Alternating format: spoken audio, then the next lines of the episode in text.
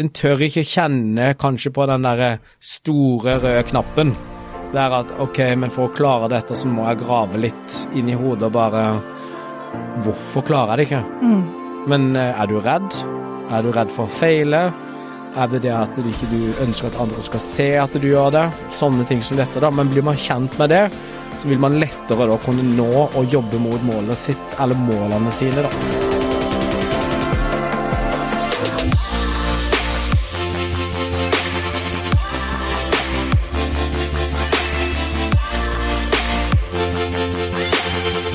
Er så heldig å ha med meg tights.no på laget, som gir meg muligheten til å faktisk kunne lage denne podkasten, og det er jeg så utrolig glad for.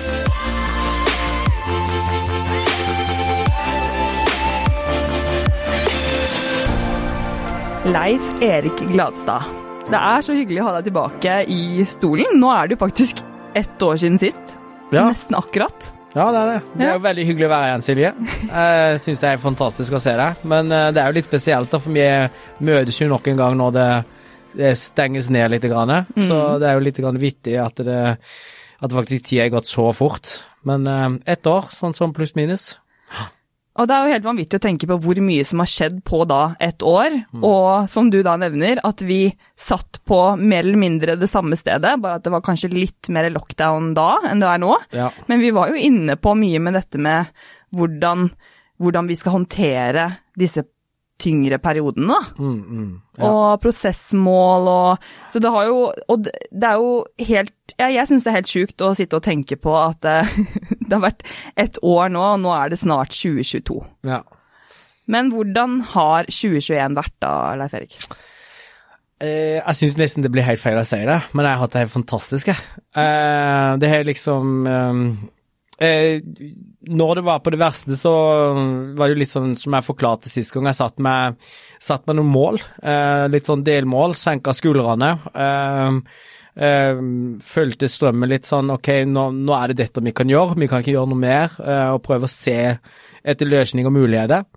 Eh, Fysisk så er det gått kjempebra. Mm. mentalt så har jeg på en måte blitt mer kjent med meg sjøl, for du på en måte må utforske litt, stille deg de samme spørsmålene. Åssen har du det? Hvordan Åssen er verdiene dine? Hvilke tanker sitter du med etter gårsdagens trening, eller ungene har vært våkne hele natta, eller ja, et eller annet. da. Så jeg syns det har vært superbra. Eh, men det er, av og til så kjenner jeg litt på å si det, for det, jeg vet mange som ikke kan si det samme, da. Ja. Så derfor så er det litt sånn um, For meg sjøl så, så, så er jo det det viktigste, men, men igjen, jeg jobber jo i, i et yrke der man skal tenke på andre og, og bry seg om andre, så, så, så, så derfor så er det litt sånn jeg skulle ønske at alle kunne si det samme, men det kan jo ikke. Nei. Ja. Nei, fordi du, hvis du ikke har hørt forrige episoden, da, du som eh, lytter, så er jo du en um, Leif, du er en familiefar. Altså, du er jo Du har jo Hvor mange barn har du? Jeg har to barn. Du har to barn, ikke Ja. sant? Og så har du da eh, et eh, Du jobber jo med PT-kunder, du jobber med online coaching, og så jobber du med Kan du forklare litt av hva du gjør? For du føler at du gjør litt av alt innenfor treningsbransjen, egentlig. Ja, det er jo litt av alt. Så hovedfokus er jo PT online coaching. Um, og så har jeg jo litt grann workshop. Um, og tidligere så var jo det sånn fokus på ren gymnastikkøvelse innenfor crossfit, altså sånn pullup, um, handstand-øvelse, altså pull-up-push. Um, men det konseptet som jeg på en måte begynt med nå, er jo en kombinasjon av gymnastikk der man vektlegger det mentale, da, det grunnleggende mentale. Altså forstå litt grann hvem en er før en setter seg målene sine, og før en vet hvor lang tid ting vil ta. da, liksom jobbe litt med hodet samtidig som en bruker kroppen. da. Um, I tillegg så har jeg et samarbeid med ATA treningsutstyr. Um, det vil jo si da at jeg bistår med folk som f.eks. skal fikse opp et eh, treningsrom, eller ordne utstyr til bedrifter. Eh, hvis det er noen som skal bygge et eh, treningssenter eller en crossfit-boks, så bistår jeg jo med det òg, da. Mm. og alt dette her på en måte henger sammen med at um, det begynte med PT, altså time, og så var det en kunde som sa ja, jeg skal på ferie, kan du gjøre noe?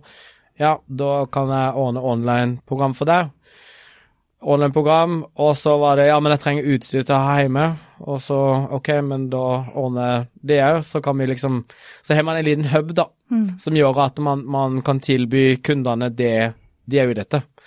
Så det blir litt, grann, eh, litt av hvert. Og så er det jo litt sånn eh, med det mentale, da, altså mentaltrening.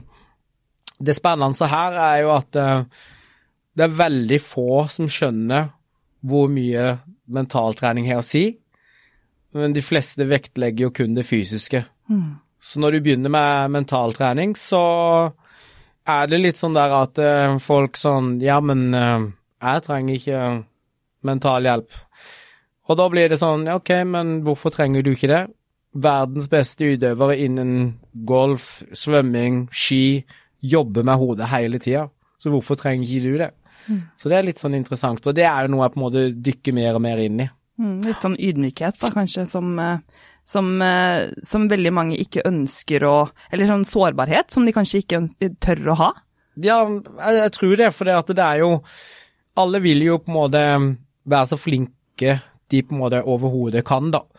Innenfor sine grener. Eh, om det betyr jeg har lyst til å lære meg en pullup, eller om det betyr jeg har lyst til å bli best i Norge eller i verden, hva det enn er for noe, så er det litt sånn at eh, en tør ikke kjenne kanskje på den derre store røde knappen.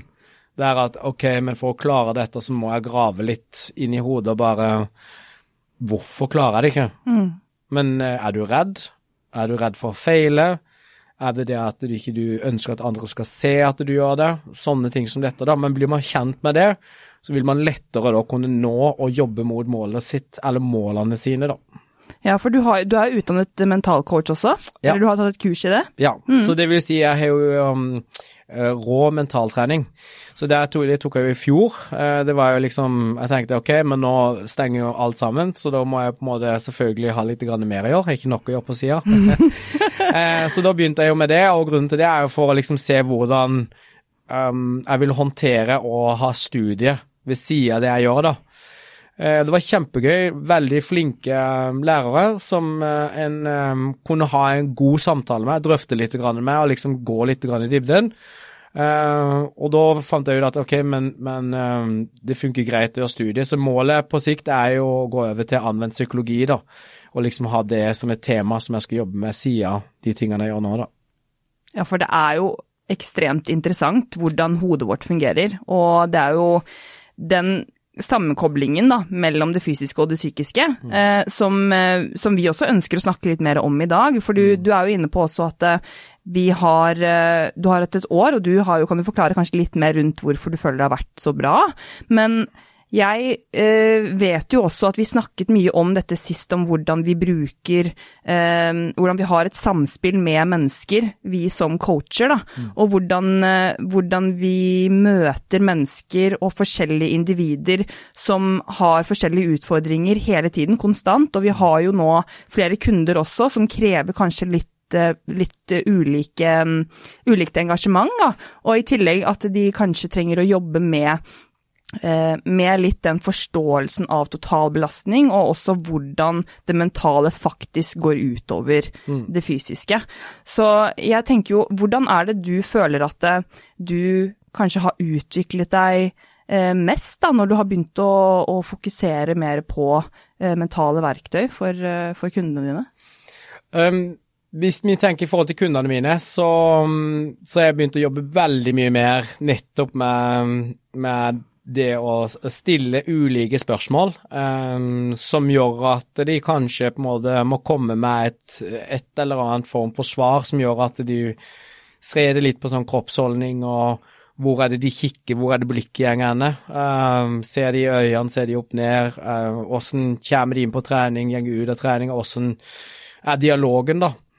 Eh, og der jeg på en måte hele tida fokuserer på, litt sånn som vi snakka om sist, det er jo liksom de grunnleggende tingene, da. Eh, verdiene dine, hvem er du som person, hva er dine behov? Eh, hvordan ser du på deg sjøl, hvordan tror du andre ser på deg? Har du faktisk turt å spørre noen andre? Har du spurt noen andre med hvordan de ser på deg? Og så sier de jo alltid ja, jeg spurte mamma og pappa. Eller jeg spurte kjæresten min, og så sier jeg men de kan ikke spørre de. For de vil alltid si de riktige. Du må spørre de som du vet liksom vil trykke på knappene. Um, det er litt av det. Og så har jeg på en måte lagt mye vekt på liksom dette her med øh, troen på egne ferdigheter, da. Um, liksom, når, når, du, når, du, starter på en ting, uh, så starter du jo fordi at du har et, et, mål, et ønske om et fremtidig ønske om å oppnå et resultat, da. Um, og underveis her så er det veldig ofte sånn at en mister litt troen på seg sjøl. Uh, og, og, selvtillit det er jo på en måte troen på ferdighet. Um, og når man har mister litt selvtillit, troen på ferdigheten sin, så blir det en negativ indre dialog. Og det blir negativ indre dialog, så har man gjerne sånn negative overbevisninger, og så blir det etter en ond sirkel, da. Så det jeg prøver litt sånn på, litt sånn stille som spørsmål, hva tenkte du nå? Hva tenkte du under den økta der? Jeg vil, jeg vil, ha oversikt på det, jeg vil ikke ha oversikt på åssen det gikk, og sånn, jeg vil ha oversikt på åssen du tenkte. For hvorfor er du misfornøyd, eller Hvorfor er du fornøyd? Hva var det som gikk igjen her? Og, og den sirkelen her jobber jeg veldig, veldig veldig mye med nå. Eh, og det er noen, noen, som har blitt virkelig sånn De har blitt virkelig fått sånn oppgave at dette jobber du spesifikt med. Mm. Ingenting annet. Det er det jeg vil vite. Mm. Og der har jeg liksom sett enorm utvikling på det, både mentalt og, og fysisk. da. Det er, det er helt rått, faktisk. Det er så viktig det du er inne på nå. Du er jo en av jeg synes, de, mest, altså de dyktigste jeg vet om i Norge når, når det gjelder uh, coaching. Fordi du er, du er en utrolig fargerik og veldig sprudlende person. Uh, I tillegg så er du så jordnær, og så er du så, uh, du er så forståelsesfull. Og jeg tror at det er viktige egenskaper som en PT, og når du skal jobbe med mennesker, at du vet at ok, innehar jeg egenskaper hvor jeg faktisk bryr meg om det individet som er foran meg. Mm. Uh, og du er inne på noe viktig som jeg også veldig, står veldig tro til, og det er rett og slett det å få, uh, få mennesker til å tenke selv. At ikke jeg alltid skal gi svaret. Fordi at da blir det litt sånn ok, du bare trener, og så gjør du det, og så føler du at det går til helvete, kan du si et bedre ord for det, men så føler du at det går dårlig, og at du da bare skal riste det av deg og gå videre og prøve å trene det bort, ikke sant? eller prøver å trene mer, eller prøver å eh, øke volumet. Og dette her var vi inne på forrige episode også, liksom det med å øke, øke treningsbelastning fordi at du tenker at du, det går dårligere. Men hva med å kanskje stille seg selv noen spørsmål, evaluere mm. hvorfor ting går som de går, da. Mm. Eh, og det tror jeg det er så interessant. og Derfor er det så komplekst også, dette, med, dette med, med, trening, og dette også med at du trenger å, å, være innforstått med at hvis du går inn i den rollen og trer inn i den rollen, og grunnen til at du har gjort så stor suksess, det er jo rett og slett den totalpakken med at det handler om eh, mentalitet i tillegg til trening, og så handler det også om generelt livet, mm. hverdagen. Mm. Hva er totalbelastningen din? Mm. Men siste, sist, episode så var det jo lockdown, da gikk vi inn på liksom litt de verktøyene og hvordan vi skal sette oss mål for å ha det bedre. Mm. Føler, føler, du at det er noe som uh, det er noe som vi kan ta med i dag og gi til, gi til mennesker? Ja. Mm. Altså det å sette seg et mål, da. Uh, og så er det jo veldig mange som er sånn Hvis du snakker med ulike personer, enten det f.eks. er bedrifter eller privatperson eller en gruppe, da, så er jo mål noe som egentlig skremmer en, fordi at um, når du setter et mål, eh, og spesielt hvis du setter en dato, så har du ekstremt store forventninger, da. Du har satt en forventning til deg sjøl om å oppnå det resultatet på det gitte tidspunktet, som gjør at du må jobbe på en viss måte, og liksom du må justere ting bort, da. Eh, og jeg syns at det er bra å sette seg mål, eh, og det er bra å sette seg visjon, altså drømmer som du har noe å strekke deg etter, som gjør at du liksom har noe å gå etter. Og glede deg til. Og glede deg til, ikke mm. sant. Og det er jo samtidig så vil disse målene være med på at du stender opp om morgenen liksom og bare OK, men jeg er klar, det er en ny dag. OK, la oss gå for det. Men igjen, da, så handler det om altså om, om en er redd for å si seg mål, da, så, og redd for å si visjonen og drømmen og tanke, så er det sånn ok, hvordan kan man endre på det, da? Hvordan kan man liksom nå fram til at eh, ok, men du trener, hvorfor trener du? Jo, jeg har et ønske. Ok, bruk ordet ønske, da. Endre på ordet fra målet, drømmen. Bare liksom finn det der Det ordet som gjør at man liksom pusher framover, da. For um, jeg tror liksom veldig mange setter seg for harde mål. Uh, det vil si at de skjønner ikke hvor mye som faktisk krever å oppnå et visst resultat. Og så er det jo sånn at det er jo veldig mange ser på den personen satte seg det målet, hvor klarte det på eh, fire uker. Det vil jeg jo gjøre. Mm. OK, men hvilken erfaring har du i forhold til den personen der? Mm. Den personen har jobba med økonomi i eh, ti år og ville gjort klare det resultatet på åtte uker. Da er det mulighet for det. Den personen har jobba i ett år og vil klare det på åtte uker. Da vil jeg satt til 16 uker. Og det, det, samme gjelder liksom ikke bare trening, men det gjelder liksom i, i dagliglivet som familie. Det gjelder når man uh, jobber. Uh, det er liksom ulike ting da, mm. som det kan tas med. da. Så jeg vil fortsatt stå på det at man setter mål, setter delmål, setter prosessmål. Um, Prøv å liksom senke skuldrene dine. Og hvis du da har sagt et, et ord at OK, men jeg har et mål om å bli Europas beste utøver, så ta en runde og analyser det. Se hva er det, hva er det egentlig det betyr, da. Mm. OK, når du har jobba eller trent strukturert på en ting 10 000 timer kvalitetstime, så skal man teoretisk sett være på et internasjonalt nivå. Mm. Men det folk glemmer, er jo det jeg nettopp sa, 10 000, og så kvalitetsteamet. Det betyr jo altså de timene som er virkelig kvalitet. Du uh, trener, du jobber med hodet, du reflekterer over hva som er blitt gjennomført. Så begynner man å snakke om kvalitetsteamet da. Ja, uh, jeg tror um jeg tror det, det, er litt den å kanskje også se på hva som er realistisk, og også hvordan type menneske du er. Mm. Fordi at eh, vi, vi, er så, vi, er så, ulike. Noen responderer jo veldig bra på hårete mål. Mm og som kanskje ikke er så realistiske sånn egentlig, men de bare tenker at de strekker seg etter noen ting. Mm. Eh, mens noen er jo veldig sånn at de kanskje brenner seg litt ved å sette noen mål som virker altfor krevende. Så du kan jo forklare litt om hvordan dette med prosessmål, da, for det tror jeg du jobber veldig mye med kundene dine mm. og mennesker med. Ja. Så på prosessmålene så handler det litt sånn ok, man, man setter seg et, et, et eh, fremtidig mål um, som i crossfit-sammenheng så kan det f.eks. være barmennsløp, da, og så kan du ikke en pullup. Mm. Da prøver jeg liksom å forklare alle stegene. Du må bygge styrke, samtidig som vi da begynner å trene på teknikken. Mm. Det som eh, er viktig her da, er å få de til å forstå at ok, men vi må ha deg til å klare en pullup. Når du klarer en pullup, så er du sterk nok når du kan ja, mellom fem til åtte eller fem til ti repetisjoner, da. Så da skal du liksom gange dette her opp, da. Så underveis er det jo viktig at man eh, varierer treninga. Um, at ikke det bare blir én form for trening hele tida, men, men, variasjon er kjempeviktig. Mm. Og så at man gjerne Ok, men, men, i den perioden vi går inn nå, så går vi inn med fokus på styrke, men du skal bli introdusert til teknikken. I neste periode så skal vi legge mer vekt på teknikken, men vi fortsetter med styrken. Når vedkommende f.eks.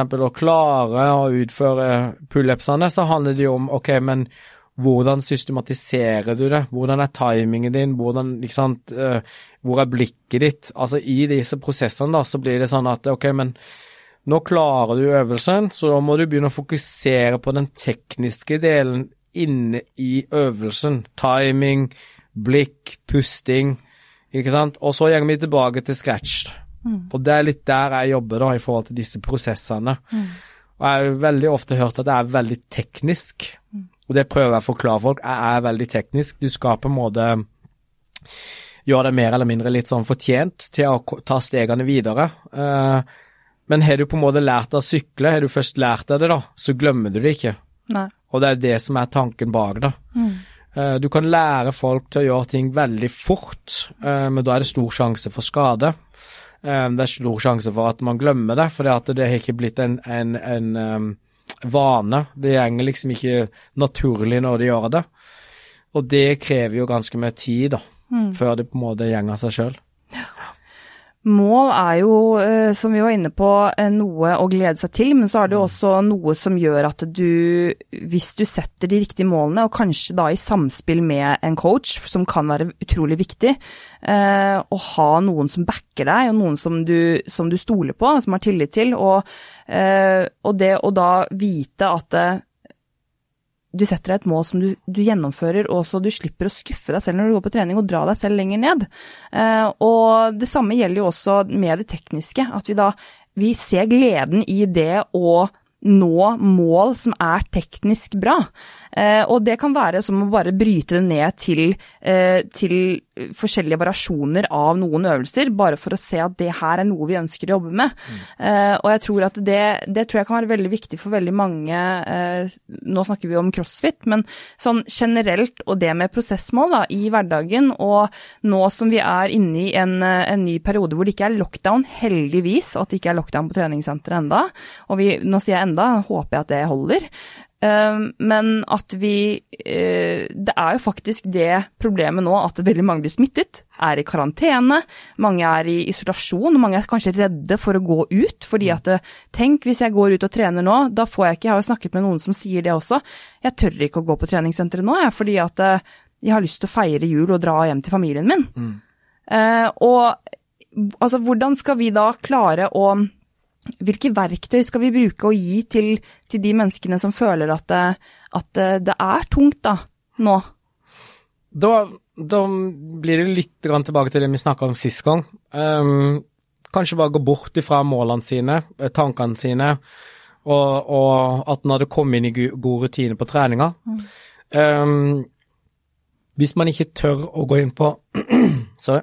Hvis man ikke tør å gå inn på treningssenter, så jeg har full forståelse for det. Men da er det litt det jeg snakka om sist gang. Ok, men ta i bruk marka. Mm. Eh, ta deg en gåtur. Mm. Gjør noen knebøy i stua, gjør noen burpees. Eh, senk forventningene dine.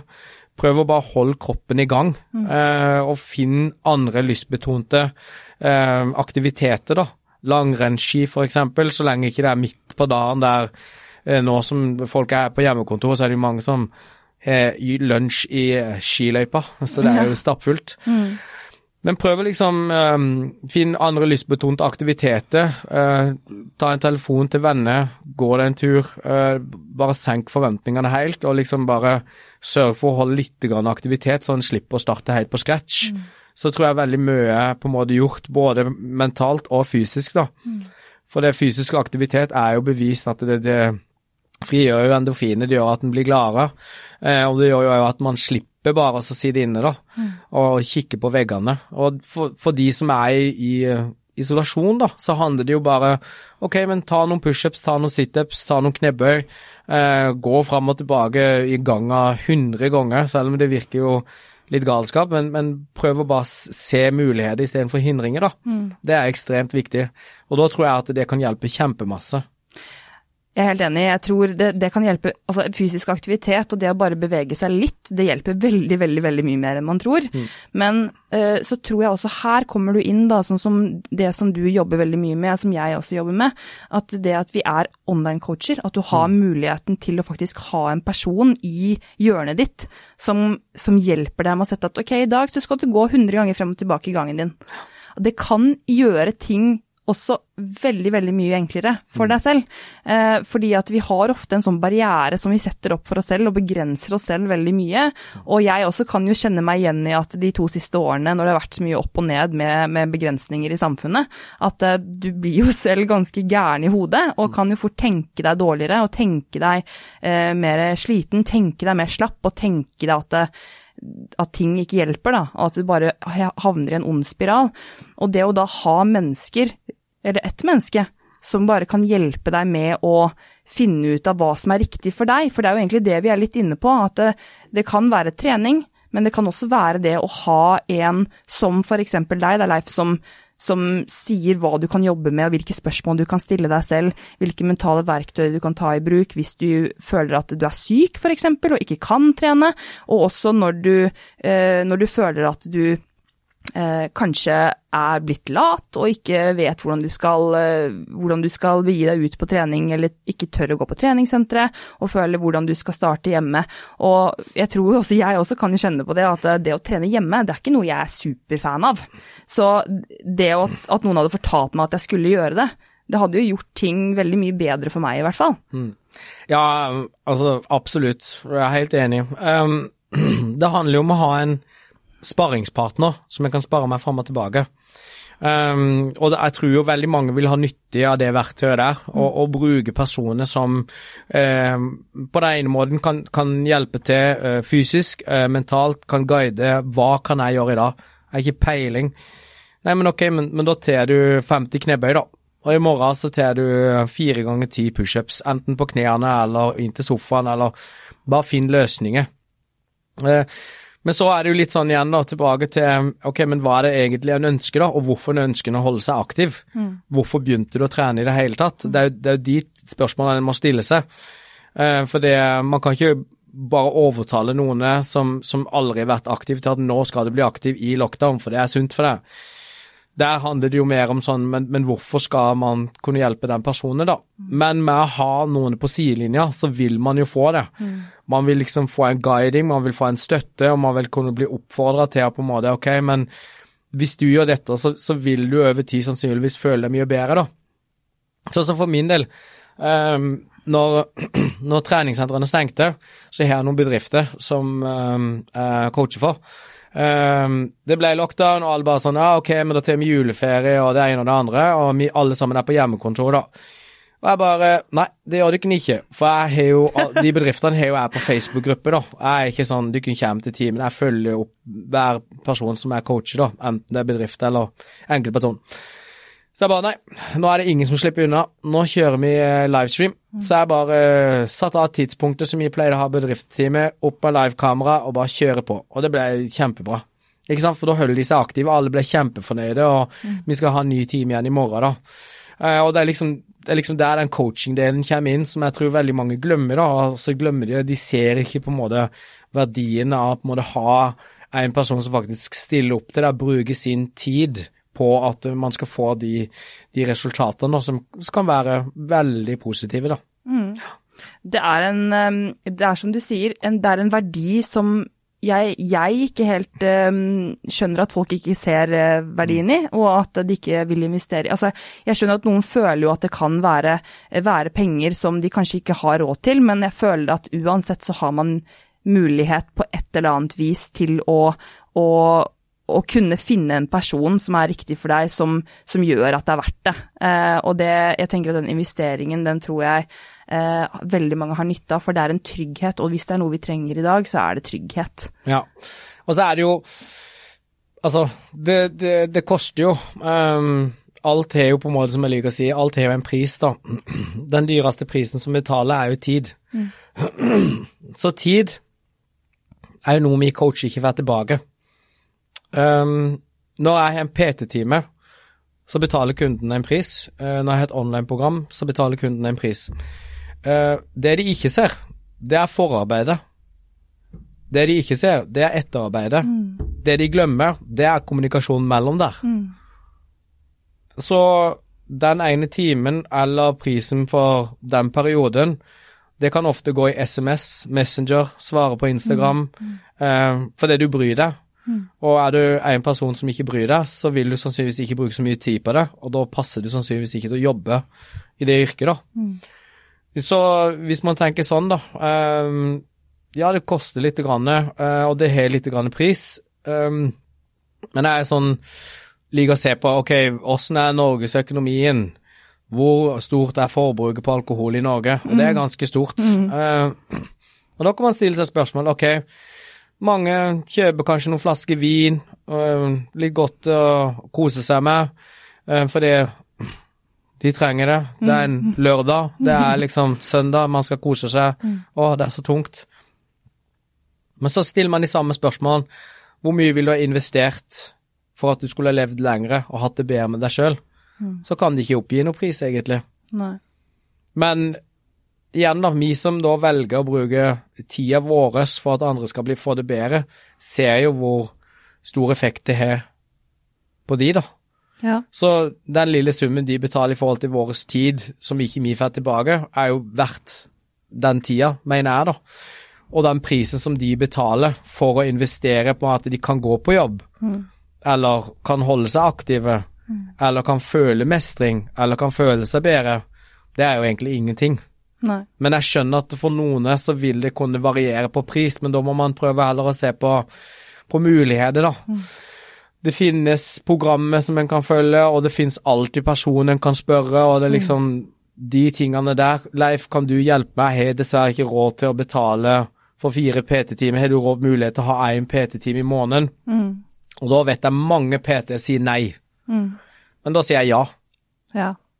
Fordi, ok, men hvis det er det du har muligheten til, så har vi den PT-timen. Dette er oppgaven du skal gjøre til neste måned. Hvis du kommer til meg neste måned og ikke du har gjort noen av ting, så kommer jeg til å stille spørsmål hvorfor. Mm. Så da, da kommer jeg uansett til guide. Og det, det er superviktig å gjøre det, men, men prisen på en måte på, for um, personen som skal betale, mm, er egentlig en ganske liten, liten del når man ser på hvor mye en kan få igjen. Mm. Det er motivasjonen som, eh, som ligger til grunn da, for hvorfor du har valgt dette yrket, og hvorfor du er en PT i utgangspunktet. og Det er fordi at du ønsker å, å hjelpe mennesker. Hvis du er i dette yrket fordi du vet at ja, det er mulig å tjene gode penger i det yrket her, men hvis det er motivasjonen din, at du skal tjene mye penger, så funker det veldig dårlig.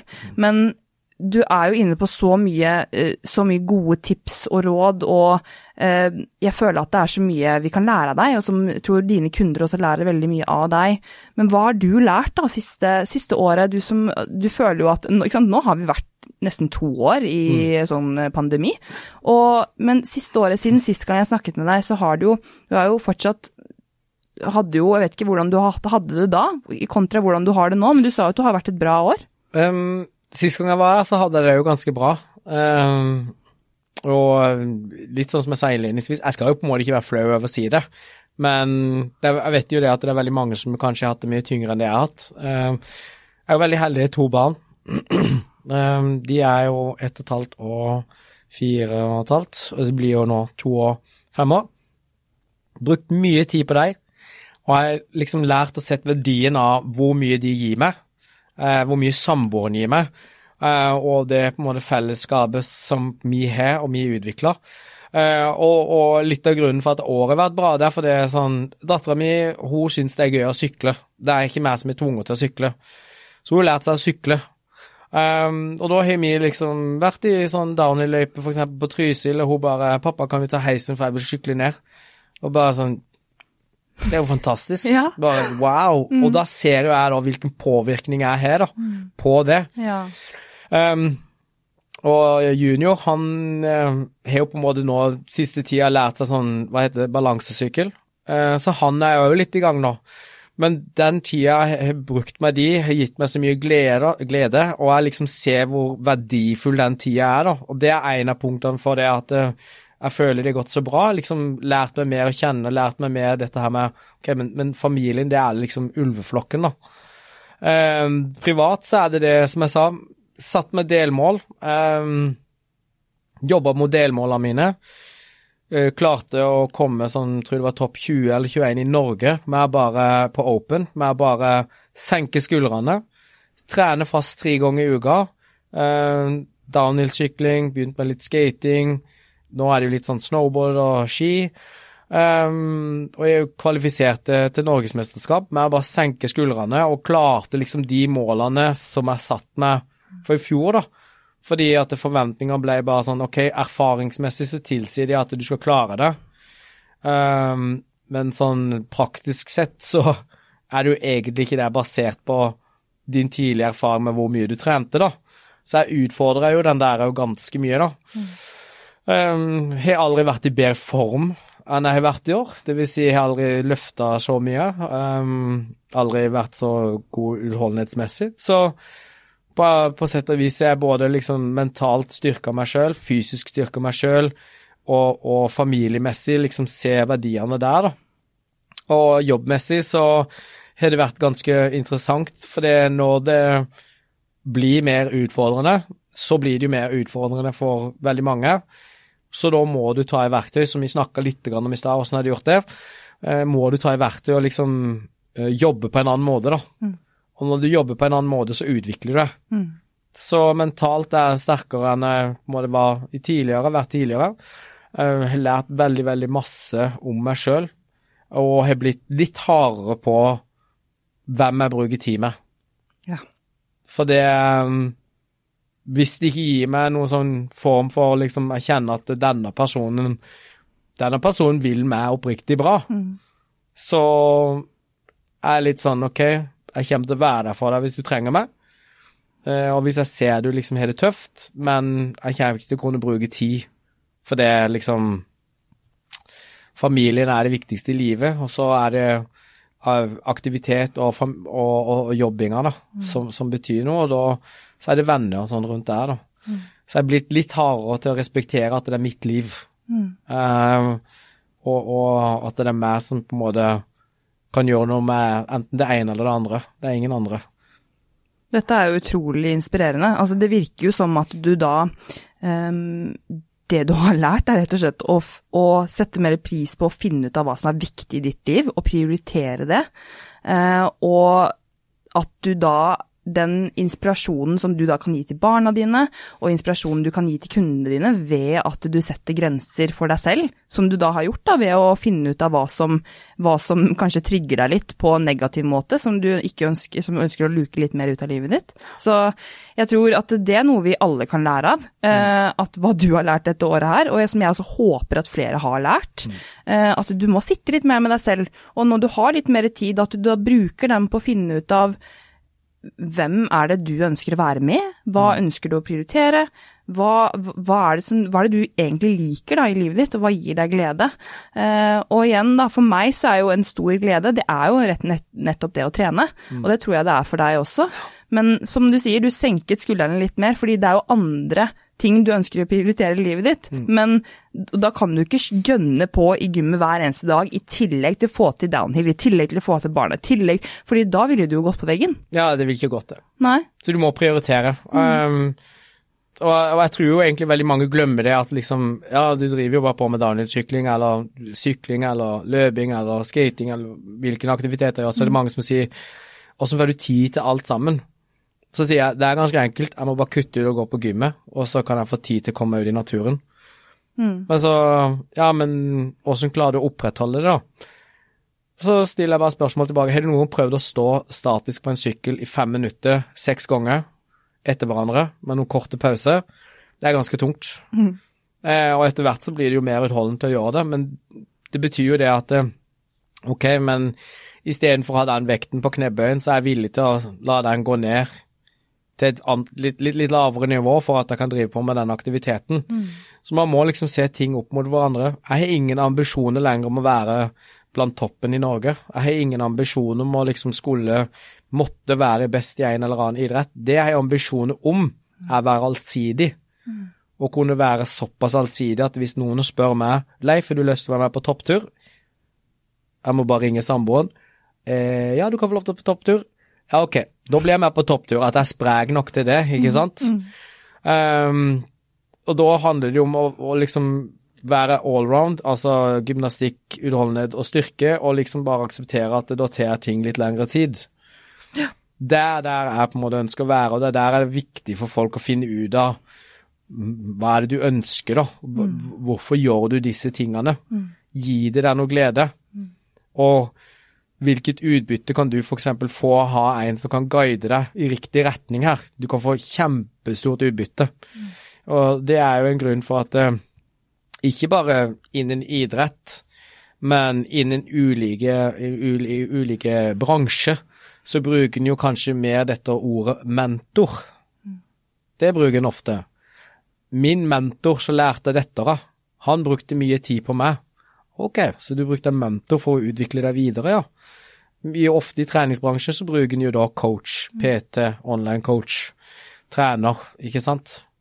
Um, men det er ikke alle som ser det i sammenhengene, da. Nei. Men de som på en måte utvikler seg mye, er jo ofte de som har sparringspartnere, mentorer, uh, hele tida skjønner det at det, det handler om å utvikle seg i livet. Du er på ulike stadier i livet. Um, og når man liksom begynner å dykke der, så blir det ganske interessant. Du er jo utrolig klok, eh, og jeg tror at eh, dette med erfaringer er så viktig å dra inn også. At eh, du kan være veldig god på det du gjør, ha mye kunnskap innenfor trening, også mentalt, men erfaringer som du da har gjort deg, som du snakker om nå, det virker jo som at det er jo noe som du kan påvirke kunder med og mennesker med. Og du skal ikke kimse av det, altså. Jeg tror, det, jeg tror det, å vektlegge litt den erfaringen som du da tydeligvis har fått gjennom, gjennom, livet, bare å finne ut av hva er det som funker for deg, når du kanskje har gått på veggen, når du kanskje føler at ting har gått litt uh, dårlig, når det har gått bedre, og når du føler at du har hatt det bra som du har hatt det siste året, at du vet at du kanskje har begynt å kjenne deg selv litt bedre, og hvordan du da den uh, finner ut av flere tips og verktøy som gjør at du blir en bedre coach, da. Mm for mennesker? Ja, jeg tror det er kjempeviktig. Og jeg tror en av de viktigste tingene som jeg har lært, det vil jeg si um, de siste, siste, årene, kanskje etter jeg ble, etter jeg ble far, da når jeg skjønte at det, mindre, det er mindre timer i døgnet nå, er jo det at um, selv om du har god erfaring, og selv om du på en måte um, sitter inne på mye kunnskap, så kan du veldig lite. Mm. Så for at du skal lære mer, så må du spørre. Ja. Du må spørre, du må grave, du må interessere deg. Mm. Gå innom ulike temaer. Um, og, og, tørre å feile. Mm. Tørre å liksom si 'jeg tok feil, unnskyld'. Det, men, men, jeg skal lære, jeg skal prøve å utvikle meg. Hvis det, folk spør meg 'kan du dette', så sier jeg 'dette kan jeg ikke'. Uh, jeg kan anbefale deg videre, ellers så skal jeg sørge for å finne ut av det for deg, og, eller hvem du kan strekke deg etter. Og, og det skaper jo ganske mye erfaring. Mm. Du må feile for å lære hvordan du skal komme deg der du skal. da. Det største feilen man, man, eh, jeg tror man gjør som enkeltperson, er jo det at man tør kanskje ikke å kjenne på det at man sier fra til venner, da. Jeg er veldig sånn ok, hvis du har gode venner, så er det beste som finnes, er en god diskusjon. Mm. Um, uenigheter blir litt kjent med hverandre, for det er da du innser at eh, ok, men de tør å ha en diskusjon, vi tør å være uenige, men vi støtter hverandre. Ja. Ikke sant? Mm. Da lærer man jo om man utvikler seg. Mm. Og samme er det jo på de andre arenaene, da. Ærlighet tror jeg er et fint ord å, å, plotte inn der. At det å være ærlig mot seg selv og mot andre, ja. eh, for å også kjenne på at det er noe som gjør at du faktisk har det bedre med deg selv. Da. Fordi at eh, du går litt på Du går litt imot dine egne verdier hvis du går rundt og føler at du skal prøve å være en people pleaser, eller ikke, ja. ikke skal ha disse diskusjonene som, kanskje, som, du kanskje ønsker å si din mening i, da. Eh, men jeg har i hvert fall veldig stor tro på dette. Jeg hørte jeg vet ikke om jeg skal kalle det et ordtak, men at eh, hvis du føler at du, eh, du ønsker å gjøre noe annet, du ønsker forandring, du ønsker noe bedre i livet ditt, at det kan føles litt for altomfattende å mm. liksom starte med 'hva skal jeg gjøre'? Mm. Fordi det kan være litt sånn 'hva i helvete skal jeg gjøre'? Ja. Det er bare veldig vanskelig, men heller spør deg selv 'hvem mm. kan jeg spørre'? Hvem kan jeg ha med på laget? Ja. Hvem Det vil jo gjøre at det kanskje gjør det litt enklere, og det er jo litt det du er inne på også, at det, du, selv om du er en selvstendig person, eller du er en sterk person, eller du, du, vet at du har mye driv i deg, så trenger vi alle mennesker rundt oss. Ja, det er, mm. det er kjempeviktig. Mm. På en eller annen måte så trenger man noen som en kan støtte seg med. Mm. Eh, noen du bare kan ta opp telefonen og bare si du, nå, nå har jeg det tungt, har du noen minutter så jeg kan prate med deg, eller jeg har en idé, jeg har en tanke. Uh, det er ikke ofte en finner det, men når man finner det, så må man sørge for å ta vare på dem. Mm. Um, for det er sånn personer som kommer til å være der livet ut. Mm. Uh, og, og, der er det jo dette her med å, å, tørre å ta opp positive ting, negative ting. Og litt tilbake til det jeg sa helt i stad, det var jo litt om det Hvem er den personen du spør når du skal finne ut åssen folk ser på deg? Det er ofte den personen du skal ha tiltro til, som du kan snakke med, spare med. Mm. Idémyldring, alt mulig. Mm. Og det er, det er, ikke så ofte man har det, men når man finner de personene, så vet man at ok, men den personen betyr mye, og den personen kommer etter bekket, og den personen kommer til å støtte meg uh, i gode og onde dager, da, hvis en skal på en måte si det, da. Uh, og så er det jo Jeg liker veldig godt den der um, på liksom inn på, på liksom litt sånn hardere når det gjelder det i forhold til det mentale med det der, da. Så liker en eh, ting jeg liker veldig godt med han eh, Bertrand som kom ut med disse bøk, mentalbøkene for uh, mange, mange mange år siden. Så stiller han seg jo en sånn veldig sånn direkte spørsmål da, som han gjenger litt sånn innpå. Men hvis du liksom Hvis du dør i morgen, vet du at du gjør det liksom du vil i dag. Mm. Det er veldig dystert, så jeg liker også liksom på en måte Det er veldig få personer jeg på en måte Jeg sier, si ikke det til hvis ikke jeg kjenner personen veldig bra. Mm. Og da blir veldig mange litt sånn ja, nei da, men jeg gjør jo ikke det, ikke sant, eller fader det vekk, for det er veldig sånn direkte spørsmål, men det er jo litt sånn sant, da. Så hvis vi på en måte snur på dette, da, og så sier man sånn eh, Hvis du i morgen mister jobben din, eh, all inntekten din, eh, og du på en måte Det er usikkerhet i forhold til, til huset og leilighet, og det er jo noen som er der, ikke sant? Hva ville du gjort? Vil du gått tilbake til det du gjorde, eller vil du på en måte pushe videre, da? Um, og, og mange av tingene som førte til at jeg jobber med det jeg jobber med, er jo fordi jeg ble stilt i sånn situasjon der jeg liksom Ok, det er enten det eller det. Og um, da valgte jeg bare Vet du hva, jeg bare kutter alt det jeg har gjort. Bare begynne med dette. Fikk beskjed om at uh, vi har ikke noe time du kan ha, du må bare starte på to bein. Ok, men da begynner jeg å gjøre det, og så gjør jeg det, og så gjør jeg det, og så peiler jeg meg inn mot det. Mm. Og det var riktig retning, da. Og jeg har aldri angra en dag på at jeg liksom valgte den retninga som førte til at jeg jobber med det jeg jobber med nå, da. Det er, så, det er så viktig også å, å, snakke litt om det å tørre å ta noen valg og være litt modig iblant, eh, selv om det er vanskelig. Men igjen så kommer det jo da til at hvis du føler at du har en grunnleggende støtte rundt deg, så vil det kanskje være enklere å ta noen sånne valg, selv om det er tungt og selv om det er vanskelig, å stå i det og være tro mot seg selv. Og, og jeg også har begynt å si det til meg selv litt hver dag, at eh, hva hadde jeg gjort i dag hvis det ikke var noe galt med meg? Mm. For veldig mange tenker ofte, og det tror jeg veldig mange av de jeg snakket med også, av mennesker rundt meg, som, som alltid tror at det er noen ting galt, til at de gjør noe gærent, til at det er noe feil da, med seg selv, og at de alltid prøver å, å jobbe litt mot, og, og mot det, at de tenker at det er ingen som skal se at det er noe feil med meg, og da begynner vi å være mer uærlige med oss selv, og det er jo sånn det fortsetter, at du da står opp hver dag etter at du har reddet opp sengen din, og så bare står du foran speilet, og så sier du, ja, hva gjør du i dag, Silje? Mm. Hvis det ikke er noe, hva hadde du gjort i dag hvis det ikke er noe gærent med deg? Bare, bare ta, la, gjør det én dag, én dag. Tenk at det er ikke noe gærent med meg. Mm. Det er ikke noe galt med meg. Hva gjør du da? Mm. Og det er, jo, det er jo det spørsmålet du må stille deg.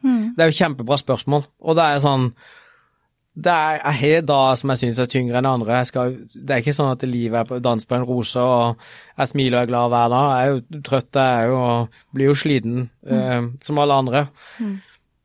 Men ut ifra hva jeg gjør, så tror jeg ikke jeg ville endra på noe av det. Fordi jeg møter mennesker, noe av det beste jeg vet. Jeg snakker med mennesker, og jeg ser at de fleste som jeg jobber med, har en, en viss form for progresjon, enten mentalt eller fysisk. Og måten jeg jobber på, gjør òg at jeg liksom har en fleksibilitet i hverdagen som jeg kan styre. Så jeg får liksom gjort de aktivitetene jeg ønsker. Um, mange stiller meg spørsmål er du mer enn 24 timer i døgnet. Og da var vi jo inne på det. Nei, jeg bare bytter det ene eller det andre, og jeg gjør det jeg ønsker. Hvis jeg har lyst til Daniel-sykkelen da, og ikke får med noen, nei, da går jeg opp sjøl. Setter på musikk, og så bare sykler jeg litt roligere. Har jeg lyst til å gjøre knebøy og snatche og gjøre en metcon, og det er ingen som det passer for det tidspunkt, nei, men da gjør jeg det sjøl, for det gjør meg glad. Har jeg lyst til på en gruppetime, og det passer inn i skjemaet, så er jo det helt perfekt. Da gjør jeg det. Så det handler liksom Ok, men, men gjør du de tingene? Gjør du de tingene du virkelig ønsker?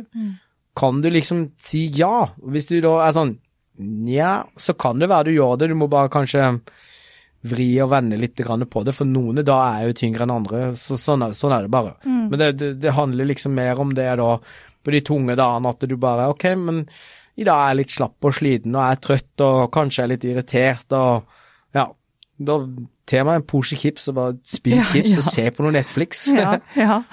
Nei, det, det, kan jeg, det kan jeg i hvert fall eh, stille meg bak, at det, det gjør jeg også et par ganger. Ikke bare et par ganger. Det, det skjer en del, er, men det er litt sånn periodevis. Og være, være snill med seg selv, rett og slett, som jeg pleier å si hver, hver podkast. Men hvordan, er det noen nye prosjekter, og hvordan, hva, hvordan er veien videre nå, Leif?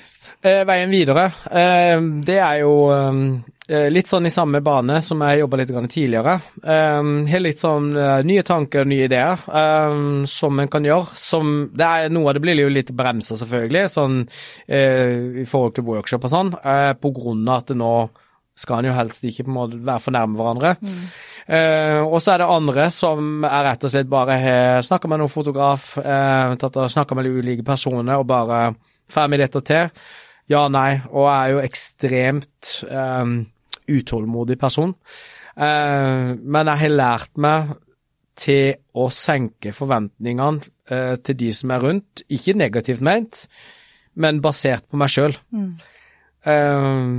Så, sånn at jeg liksom Ok, om ting tar litt lengre tid, så bare aksepter prosessen. Det er liksom en del av det, Leif. Eh, eh, Du kan ikke forvente at eh, folk er som det er, at når du tenker på noe, så skribler du det ned, så setter du opp et regnestykke, og så analyserer du det, og så ser du hva er mulig, hva er ikke mulig. Nei, dette, dette på en måte er, er ikke gunstig, så du bare skrinlegger du det. Um, de fleste er jo litt sånn litt betenkningstid. Hva gjør man? Er det smart? Hvordan er risikoen? Ikke sant? Det tar veldig lang tid, bare drøye, ut. Men så er det sånn Ringe, ringe, ringe, ringe, ringe, ringe, og så bare 'Jeg må ha et møte nå. Fem minutter. til?' Ja, nei. Er det sånn, sånn, sånn? Ok, nei, ok, men da dropper vi det. Ja. Så det er veldig Altså, jeg har hatt mange møter det siste året med ideer og tanker som bare Nei, men det, dette ser jeg på en måte ikke potensialet til syvende og sist, men da har jeg iallfall vært inne på tanken, da. Um, for det er jo veldig sånn Jeg ser veldig på um, uh, tida mi. Um, hvilken tid kommer jeg til å bruke på dette? eh, og hva kan man forvente å få igjen, da. Eh, eh, og da er det ikke nødvendigvis bare økonomisk sett, men da er det jo sånn, ok, men, men vil disse se interessen av dette? Og hvis det er sånn man sender ut noen sånne spørsmål, stikkord og sånn, og man ser at nei, det, er ikke så stor interesse for dette. Ok, men i ditt hode, Leif, så er jo dette perfekt, så hvorfor gjør ikke folk det? Og da er det sånn Nei, men kanskje ikke de tenkte på det. Kanskje de trenger tid til å fordøye det. Um, og der er jo jeg, da. Så jeg har jo en, en uh, um, artig ting med det som uh, Jeg har sånn hopp til sykkelen. Så var det en som ringte meg. 'Leif, kan jeg låne hoppet ditt?' 'Ja.' 'Hva jobber du med?' sa jeg. 'Jeg jobber med det og det.' Så sa jeg 'Vi må jobbe sammen'. Han bare 'Ja, ok'. Men hvorfor har ikke du ikke tenkt på det og det og det? Og han bare 'Jeg snakker med deg fem minutter, her er du tidenes idé. Vi jobber med dette i ti år'. Ja. Og vi, det prosjektet blir ganske kult hvis vi får det til. Eh, og da bare sånn Der var det bare senk forventninger, bare la det gå. Men liksom Det bare ruller opp, da. Ja, ja. Ja. Så alt, alt du gjør nå, det jobber opp mot et, eh, et prosjekt da, som vi kan forvente oss å, å se? Eller forvente? Ulike forvente. prosjekter. Ulike prosjekter som, vi kan, eh, som vi kan vente oss. Ja. Men samtidig så gjør jeg de tingene jeg gjør nå. Mm. Men alt veier på en måte opp mot, eh, opp mot Ok, du elsker det du gjør. De nye tingene må òg være med på at du klarer å levere det du skal levere på de andre områdene, da. Så jeg veier veldig mye opp mot det, da. Men det siste prosjektet blir, det blir kjempespennende. Så det var sånn Det var sånn Det var en som ringte meg, og jeg bare sa det, og bare sånn sånn, og så bare Wow, vi snakker med de og de, og så er vi i gang, da. Ja, ja, ja. Og egentlig så skulle det være klart nå til desember, men så bare Ja. Ja, det har nok eh, satt noen begrensninger nå, og det tenker jeg også. Jeg tenkte jo på workshops og videre fremover, som jeg var inne på. og Det, det kommer nok, men eh, jeg tror at eh, jeg tror eh, de fleste kjenner på at eh, vi må også være litt, eh, litt eh, takknemlige og glade for det vi har nå, og ikke alltid skulle strebe mot å jobbe mot noe, selv om det er kjempegøy å ha det, for du har noe å glede deg til. Men at du må også passe på at du setter av tid til å bare Vet du hva, jeg har det bra nå. Jeg har det bra nå, og hvis du ikke har det bra nå, ja, gjør noen endringer enten mentalt eller fysisk. Og hvis du føler at du trenger hjelp, så ta kontakt med, med Gladstad coaching kanskje, eller med meg, Ja, eller noen andre. Så, så jeg tror at, um, jeg tror at uh, vi, vi står inne nå, nå er det snart, nå er det jul rett rundt hjørnet, og nå er det, um, vi håper at i hvert fall uh, uh, vi klarer å holde holde restriksjonene sånn som de er nå, uten, å, uten å gå inn på noe, noe strengere enn det er. Men eh, jeg vil i hvert fall jeg, vent, altså jeg gleder meg så mye til å se hva du, hva du skal gjøre videre. Nå er nå er jeg dritnysgjerrig, så jeg vet at du ikke kan si noe enda, men vi skal følge med deg videre. Og så vil jeg i hvert fall takke deg for utrolig Altså, du har så mange flotte egenskaper som er inspirerende, men også veldig mange tips og verktøy som jeg tror at kjempemange har så mye nytte av å ta med seg videre. Og jeg mener virkelig det, at eh, jeg håper at, eh, at eh, flere også ser og kan, kan, jobbe med deg fremover. Kanskje jeg til og med, hvis jeg får muligheten. Så det, det må jeg si. Altså, så tusen takk, Leif. Takk for at jeg fikk komme. Veldig gøy. Og som jeg alltid sier til deg hjemme, nå er det, nå er det jul. Og husk å være snill med deg selv, og husk å ta vare på familien og kjære.